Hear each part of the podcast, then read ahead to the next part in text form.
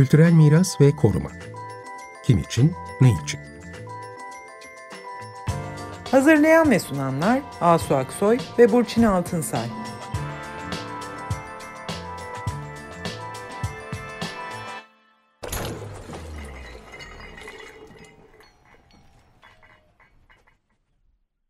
Merhabalar, iyi akşamlar. Ben Asu Aksoy. Merhabalar, iyi akşamlar. Ben de Burçin Altınsay. Bu akşam anıtsal yapılarla ilgili konuşacağız. 11 ilimizi etkileyen depremlerin insan yaşamındaki etkilerini hepimiz gördük, biliyoruz. Kayıplar çok büyük. Aynı zamanda kültürel varlıkların üzerindeki etkilerini de üzüntüyle izledik. Çok yıkıcı etkilerle karşılaştık çünkü. Biz daha önceki programlarımızda konuklarımızla daha çok sivil yapılar, e, kent yaşamı, insanların hafızası, köy kent dokuları bunları konuştuk ve bunların da dikkatlerden kaçmaması için özellikle dikkat çektik. Çünkü tabii ki ilk e, dönemde anıtsal yapılar dediğimiz e, simgesel e, yapılar, camiler, kiliseler gibi yapılara herkes önce ilgi gösterdi. Öte yandan da Antakya'da yoğunlaştı ilgiler. Bugün artık depremin üçüncü ayı da oldu. Antakya dışındaki kentlerde de tabii kültür varlıkları etkilendi. Oralarda da neler oluyor? Oraya da dikkat çekmek istiyoruz. Anıtsal yapıların durumlarına yeniden bir dönüş yapıp bakmak istedik. Bu konuda da daha depremin 10. gününde İKOMOS Türkiye Milli Komitesi üyeleri, uzman üyeleri Vakıflar Genel Müdürlüğü ekipleriyle işbirliği yaparak sahaya gittiler. 7 uzman 7 ayrı ilde vakıflar ekipleriyle birlikte çalıştılar. Çünkü Vakıflar Genel Müdürlüğü'nden bir çağrı geldi ve o çağrı hemen e, yanıt vererek çok hızlıca sahada ekiplerde yer aldılar ve yapıların daha çok erken bir dönemde inceleme, hasarlarını tespit etme imkanı buldular. E, İKOMOS'un bu konudaki bildirisinde ve bütün çalışmalarında tema aslında yıkımdan öğrenerek geleceği birlikte iyileştirmek. Bu cümlenin içinde bazı anahtar kelimeler var. Yıkımdan öğrenmenin önemini e, vurgulamak e, istiyor bu cümle. Çünkü kültür varlıkları üzerindeki e, depremin etkilerini, hasarları, geçmiş uygulamalardaki yanlışları ve doğruları tespit etmek geleceğe hazırlanmak, gelecekte bu yapılara ne yapılacağını belirlemek açısından çok önemli. Yani bu hallerinden öğrenmek zorundayız. Bu yapıların üzerinde halen duran verilerin, yıkımla ilişkili verilerin de yok olmadan yapılması lazım bu incelemelerin ve bir uzman gözüyle yapılması lazım. Hasar mekanizmalarının nasıl yıkıldıklarının anlaşılması gelecekteki uygulamalar için çok önemli. Bu akşamki konuklarımız da bu e, İKOMOS Türkiye ekibinden iki kişi Profesör Doktor Ahmet Türer ve yüksek mimar Esra Ekşi Balcı. İkiniz de hoş geldiniz programımıza. Hoş geldiniz. Ben kısaca bir tanıtayım. Burada Ahmet Bey bize inşaat mühendisi gözüyle e, anlatacak ilk defa. Kendisi ODTÜ'de e, inşaat mühendisliği bölümünde öğretim üyesi. Aynı zamanda İskarsah, İKOMOS'un bir bilimsel komitesi, yapısal sistemleri analiz eden bir komite. Onun da Türkiye Başkanı ve bu ekiple birlikte Malatya'da ve Elazığ'da tespitlerde bulundu Ahmet Bey. Yüksek mimar Esra Ekşi Balcı da bir koruma mimarı. Halen İzmit Belediyesi'nde çalışıyor. Kocaeli e, Üniversitesi'nde de yarı zamanlı öğretim üyeliği yapıyor. O da bu ekiple birlikte Gaziantep'te ve çevresinde çalıştı. Daha sonra da Defne'de sosyal yardım amaçlı çalışmalarda da bulundu. Evet tekrar hoş geldiniz. Evet hoş geldiniz. Ahmet Bey hemen sizinle başlayalım. Siz Burçin'in de söylediği gibi 10. günde sahada Vakıflar Genel Müdürlüğü ekipleriyle e, tespitler, ön tespitler yaptınız. Birkaç defa gittiniz e, ve de diğer uzmanların çalışmalarını da tespitlerini de e, derlediniz galiba. Yani bu yıkımdan, bu gö gördüğünüz, sahada gördüğünüz yıkımdan ne öğrendiniz aslında? Burçin'in de dediği gibi siz inşaat mühendisi gözüyle tabii incelediniz. Bu depremin evet. yapılar üzerindeki etkileri ne olmuş, hasar oluşum biçimleri nedir? Böyle çok büyük bir depremdi bu. Bu hasarların oluşumu sizi şaşırttı mı? Nedir? Yani ne öğrendiniz? Bunu bize bir kısaca anlatır mısınız? Tabii memnuniyetle. Çok teşekkürler. Öncelikle herkese merhaba. Ee, sizlerle birlikte olmaktan çok mutluyum. Bu e, büyük bir felaket atlattık ve atlatmak e, tabii kelime kısa kalıyor. Uzun zaman sürecek. Tarihi yapılardaki e, hasarlarla inşaat mühendisleri daha seyrek ilgileniyorlar. Daha çok mimarlar ve restorasyon uzmanları bu konuda ilgililer. Tabii inşaat mühendisi gözüyle e, katılmak biraz renk ve güç katıyor e, benim düşünceme göre. Buradaki hasarlar beni şaşırtmadı açıkçası ama üzdü. Şöyle ki tarihi yapılar e, çoğunlukla yığma tekniğiyle yapılıyor ve depremlerde yığma yapıların eğer güzel hatırları yoksa kırılgan bir yapıda olduğunu biliyoruz ve e, kütleleri de fazla. Yani depremde hafif bir yapı olmasının avantajları var. Eğer e, binanız ağırsa, kalın duvarlar, taşlar e, yapıldıysa e, zaten 1-0 yenik başlıyor. Bu kütle arttıkça deprem e, ivmesiyle e, kuvvetler de artıyor ve kırılgan olması sebebiyle de hasarlar, yıkıcı hasarlar oluşabiliyor. Tarihi yapıları depreme karşı güçlendirmek mümkün. Ama e, yüzde yüz güvenli hale getirmek e, mümkün değil. Çünkü yapıya o kadar çok müdahale ederseniz artık o tarihi yapı olmaktan çıkıyor. E, bambaşka bir şeye dönüşüyor. O yüzden dünyadaki yöntem de tarihi yapıları depreme karşı hani bir miktar iyileştirebilmek ama tümüyle dayanıklı hale getirmek mümkün olmuyor maalesef. Bu depremden öğrendiklerimiz hasar mekanizmaları e, tabii ki bir takım parametrelere bağlı. Bizim deprem yönetmeliğimiz inşaat mühendisleri tarafından iyi bilinir. E, bunun yığma yapılarla ilgili bir bölümü var. Fakat o tabii ki tarihi yapılar için değil, yapılacak yeni e, yığma hmm. yapılar için. Orada bir takım kurallar var. Mesela e, yığma yapıların e, duvarları düzlem dışı yönde özellikle daha zayıf olduğu için e, birbirine dik duvarların belirli aralıklardan daha fazla olmasına izin verilmez. Örneğin 4 metreden 5 metreden fazla mesafe geçilmesini istemez e, yönetmelik. Dik duvarlarla, birbirine dikilmiş duvarlarla desteklemeyi sever. Yani tarihi yapıda tabii kocaman bir camide böyle bir şey pek e, bulunamıyor. Geniş kubbeler e, tabii ki e, zayıf. E, yüksek minareler özelliği sebebiyle narin olduğu için e, depreme karşı e, zayıf özellikle fay hattına yakın bölgelerde ve e, işte epicenter, merkez üssü depreme yakın yerlerde ivme ve hız e, yani metre bölü saniye olarak e, yüksek olduğu için e, buradaki tarihi yapılarda daha çok hasar gördük. Ben e, Malatya ve Elazığ kısmına gittim. E, orada gördüğüm kadarıyla e, tarihi yapılar fena davranmadılar. Yani genel olarak ee, Oralarda daha azdı galiba değil mi? Daha az hasar gördük. Hele Elazığ'da hemen hemen hiç hasar yoktu. Malatya'da e, iki büyük camide hasar vardı. Birisi tam yıkılma, birisi orta hasar. Diğerleri yani minareler dahil iyi davrandı. Ama tabii bütün hocalarımızın, uzmanlarımızın saha bilgilerine baktığımızda, genel bir değerlendirme yaptığımızda özellikle Adıyaman daha sonra Hatay, daha sonra Kahramanmaraş bu üç ilde e, hasarların ağır hasara ve orta hasarla ağır hasar arasında değiştiğini görüyoruz. Siz Daha... ağırlıkla şey camilere mi baktınız? Ee, yani bu anıt e, eserler dediğimiz daha ziyade ne, ne tür yapılar bunlar? Şimdi bizim İKOMOS ekibi 182 yapıya bakmış. Bunlardan 121 tanesi cami. Hı hı. E, sonra 12 tane mescit, 10 tane türbe, hamam, minare, kilise, han, ev, işhanı, çarşı, çeşme, dükkan gibi medrese e, gibi ilerliyor. E, bu 121 caminin de ağır hasarlı olanları ağırlıkta 56 tanesi bizim yani birkaç sayı vereyim.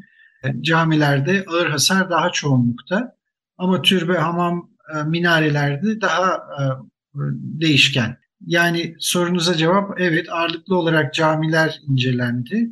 Bunlara vakıf ee, eserleri olarak. Vakıf eserleri olduğu için hı. evet, çoğunlukla evet. ağır hasarlı kaydedilmişler. Peki bu hasarlarda yani hani işte şey dendi ya bazıları yeni restore edilmişti ama ona rağmen yıkılmışlardı filan e, şey hasar gördüler filan dendi ya. Yani hasarların oluşum sebepleri ne ilişkin böyle bir gruplandırma yapmak mümkün mü? Yani bu yapı tipine, coğrafyaya göre demin coğrafyadan bahsettiniz gerçi. Evet. Yani tabii ki şimdi yapının kendi yapısal özellikleri bir parametre ve depremin büyüklüğü ve deprem pay hattına olan uzaklık bir parametre. Zemin e, koşulları bir parametre, yapının yaşı bir parametre, malzeme özellikleri bozulmuş mu bozulmamış mı e, bir parametre. Yani geometriyi ilk saydım tabii ki. Yani yüksek ve büyük yapılar biraz daha kritik durumda. Restorasyondan geçmişler de hasar gördü, geçmemişler de hasar gördü. O yüzden deprem çok e, şey yapmadı. Yani ayırt etmedi. Çünkü söylediğim gibi hani bir takım önlemler alınmaya çalışılıyor ama eğer çok yüksek bir e, ivme gelirse ya da bir takım görünmeyen e, zayıflıklar, zafiyetler varsa e, ki her zaman göremiyoruz. Yani duvarların içinde ne olduğunu çok bilemiyorsunuz yani. Analiz yapıyorsunuz ama modellemede bir takım kabuller oluyor. O kabullerin doğruluğuna göre değişiyor. Yeniden yapılırken işçilikte bazen e, hatalar olabiliyor. Yani çok parametre var. Bir tane sadece hani restorasyondan geçeni, restorasyondan geçip az hasar gören de var mesela. O yüzden çok parametreli, zor bir problem ve dediğim gibi e, tarihi yapıları depreme karşı yüzde yüz güvenli hale getirmek gibi bir şey dünyada da yok, ülkemizde de yok. Ama olabildiğince yeni e, ve kabul edilebilir yöntemler geliştirmek biraz da biz bilim adamlarının, akademisyenlerin işi. E, bu depremden de bir şeyler öğrendik. Mesela art germenin kullanılabileceğini ben düşünüyorum. Bunu Ne tam anlamadım ben. Ne, ne art gel- germe Teknik Art konuya bizim- girdi Ahmet Bey. Şimdi Ha, evet, farklı bir konuya girdim ama belki vaktimiz de dar. Belki bir dinleyicilerimiz de anlamayabilir onu hemen. Evet. Yani bir takım Ta- bir e, tür sağlamlaştırma. kabul edilebilir yöntemler geliştirmek de imkanlarımız var. Bunları hep beraber değerlendireceğiz. Bu hasarlardan öğreneceğiz ve umuyorum daha iyiye doğru götüreceğiz. Tabii şey de var yani depremler devam ediyor. Yani şey artçılar daha doğrusu. Ve yani Evet. başta yıkılmamış ya da hasar görmemiş çok hasar görmemiş bu yapılar. Sonra ikincisinde üçüncüsünde birden bakıyorsunuz yıkılıveriyorlar. Yani aslında bunların e, yıkılmaması düşmemesi çökmemesi için baştan hemen önlemler almak gerekiyor. Bunlar yapıldı mı bu önlemler yani deprem sonrası artçılara Evet. karşı ya da işte çökmemeleri için gereken şey ne denir onlara? Destekleme Acil- ve acil. Evet, geçici güçlendirme destekleri değil mi bunlar? Ee, doğru. Yani sahada yapıldığını duyuyoruz. En azından en basiti ahşap elemanlarla dikmeler ve payandalar e, yerleştirildiğini gördük. Hmm. Ee, Ve bizim benim raporda ben bu kamyoncuların kullandığı kumaş benzeri bir yapı var. e, ke- Kevlar türü.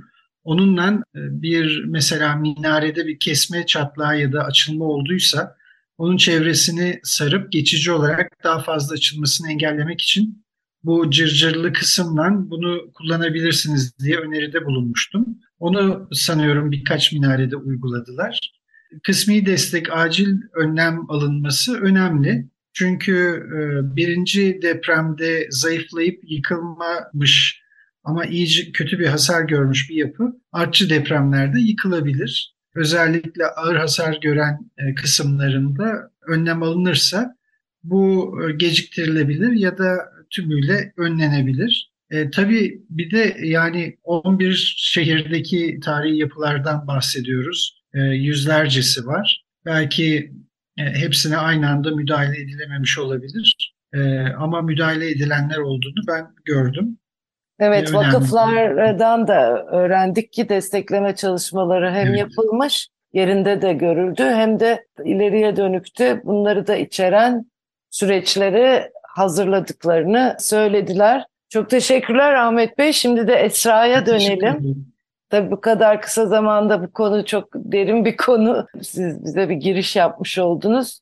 Evet Esra, sen de hem e, yapısal hasar tespitlerinde çalıştın Gaziantep ve çevresinde hem de sonra sosyal yardımlaşma amacıyla yine bölgedeydin. Bu e, hasar tespiti çalışmalarındaki deneyimini ve oradakilerle olan etkileşiminizi, oradaki kamu görevlilerinin konuyla nasıl ilişki kurduklarını anlatabilir misin? Tabii çok teşekkür ederim program için öncelikle. Çok uzun sürecek bir iyileşme sürecinin henüz daha çok başındayız. Ümit ediyorum hepimizin yaptığı her şey bu iyileşmeye birazcık da olsa katkı sağlar. Ee, ben meseleye her zaman buradan bakmaya çalışıyorum. Ben e, hem oradaki tespitler sırasında hem de buraya dönüp düşündükten sonra aslında bir konunun çok önemli olduğunu fark ettim. Daha önceki çalışmalarımda da hep e, bunu bir şekilde bu sonuca varıyordum. Yerellik ve yerel bilgi çok önemli bir şey. Ve bu çalışmada ben bununla iki boyutta karşılaştım. Bir tanesi kurumsal boyuttu, diğeri de kullanıcı boyutuydu. Kurumsal boyut olarak şunu ıı, söyleyeceğim. Gaziantep Bölge Müdürlüğü'ndeki arkadaşlar Vakıflar Genel Müdürlüğü'ne bağlı. Depremin 9. gününde henüz yani o ıı, büyük sarsıntının ıı, etkilerini henüz üzerlerinde taşırlarken e, ne bileyim ailelerini günün büyük bir bölümü yalnız bırakarak e, bu tespit çalışmalarına katıldılar.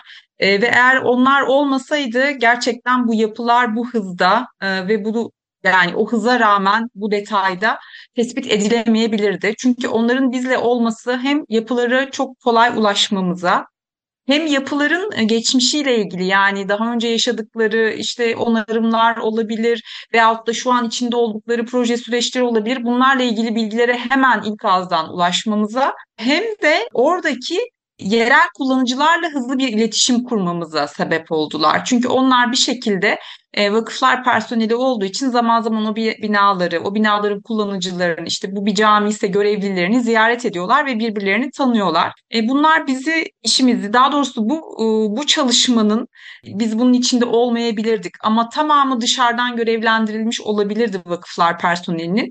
E, yerel katılım, kurumsal anlamdaki bu yerellik bunu çok daha yani o koşullarda daha sağlıklı, daha verimli hale getirdi diyebilirim.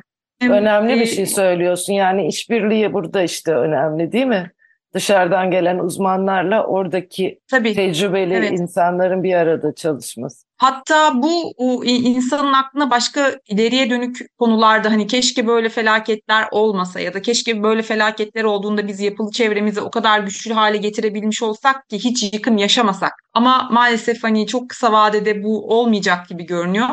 Dolayısıyla e, aslında bu bölgelere ayrılmış kurumsal yapının e, bölgedeki bilgisinin aslında acil durumda tamamen başka bir bölge tarafından bilinir halde olması, ulaşılabilir halde olmasının önceden deneyimlenmesi mesela çok önemli bir şey olabilir. Kurumlar keşke yani böyle hani kardeş şehir deriz ya onun gibi ama e, biraz daha ötesi tabii bunun. Kurumsal boyutu olduğunda veri paylaşımı da belki çok sıkıntılı olmayabilir. Çünkü sonuçta merkezde aynı genel müdürlüğe bağlı bu alt bölgeler.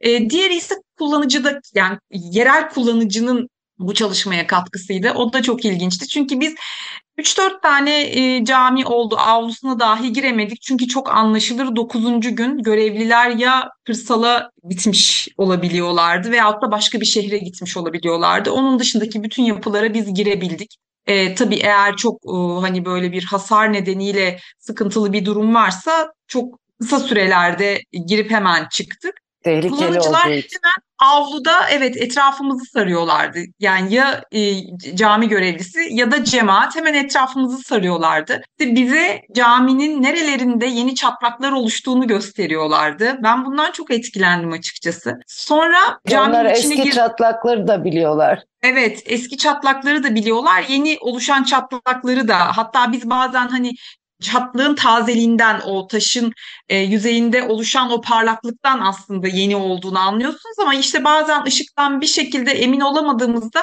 onların bilgisine de başvurduk hani bu yeni mi diye. Kısa bir sürede olsa detaylı bir şekilde çünkü e, belgelemeye ve o anda gördüklerimizi e, aktarmaya çalıştık bilgi olarak elimizdeki formlara, dokümanlara.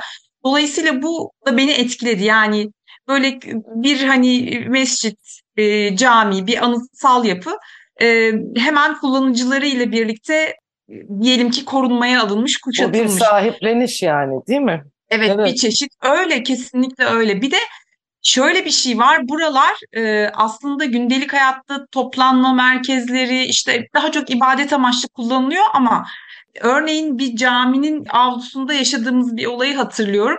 Ya bu şadırvanı keşke kullanmasaydınız çok tehlikeliymiş hani dedik. E, onlar da bize şey dediler. Biz hani iki gün e, su akmadı Gaziantep'te bile sonuçta işte hani tedbirler sebebiyle vesaire sular kesilmiş olabildi. Hani daha az etkilenmiş olsa da şehir olarak. Biz dedi iki gün burada dedi hani bütün ihtiyaçlarımızı su işte tuvalet ihtiyaçlarımızı giderdik. Yani bunu bize hani söylemeyin sö- söylemeseniz keşke çünkü biz mecburduk buna dediler. Dolayısıyla buralar aslında böyle işlere de yaradı. Mesela bir hamam gördük. Hamam hiç tabak hamamı hiç hasar almamıştı ama biz elimizdeki bütün listeyi gezmek durumundaydık. Hamamcı daha böyle suyunu bağlatmak üzereymiş hamamın yani işletmecisi. Vakıfların mülkü ama işletmecisi belli.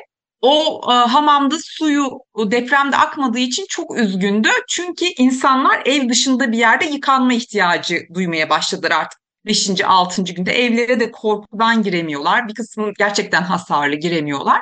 Ee, çok üzgündü ki hani böyle bir zamanda insanlara hizmet veremediği için tam zamanıydı çünkü yani bir de vakıf eseri çünkü sonuçta hani vakfedilmiş bu şekilde amaçla kullanılmak üzere.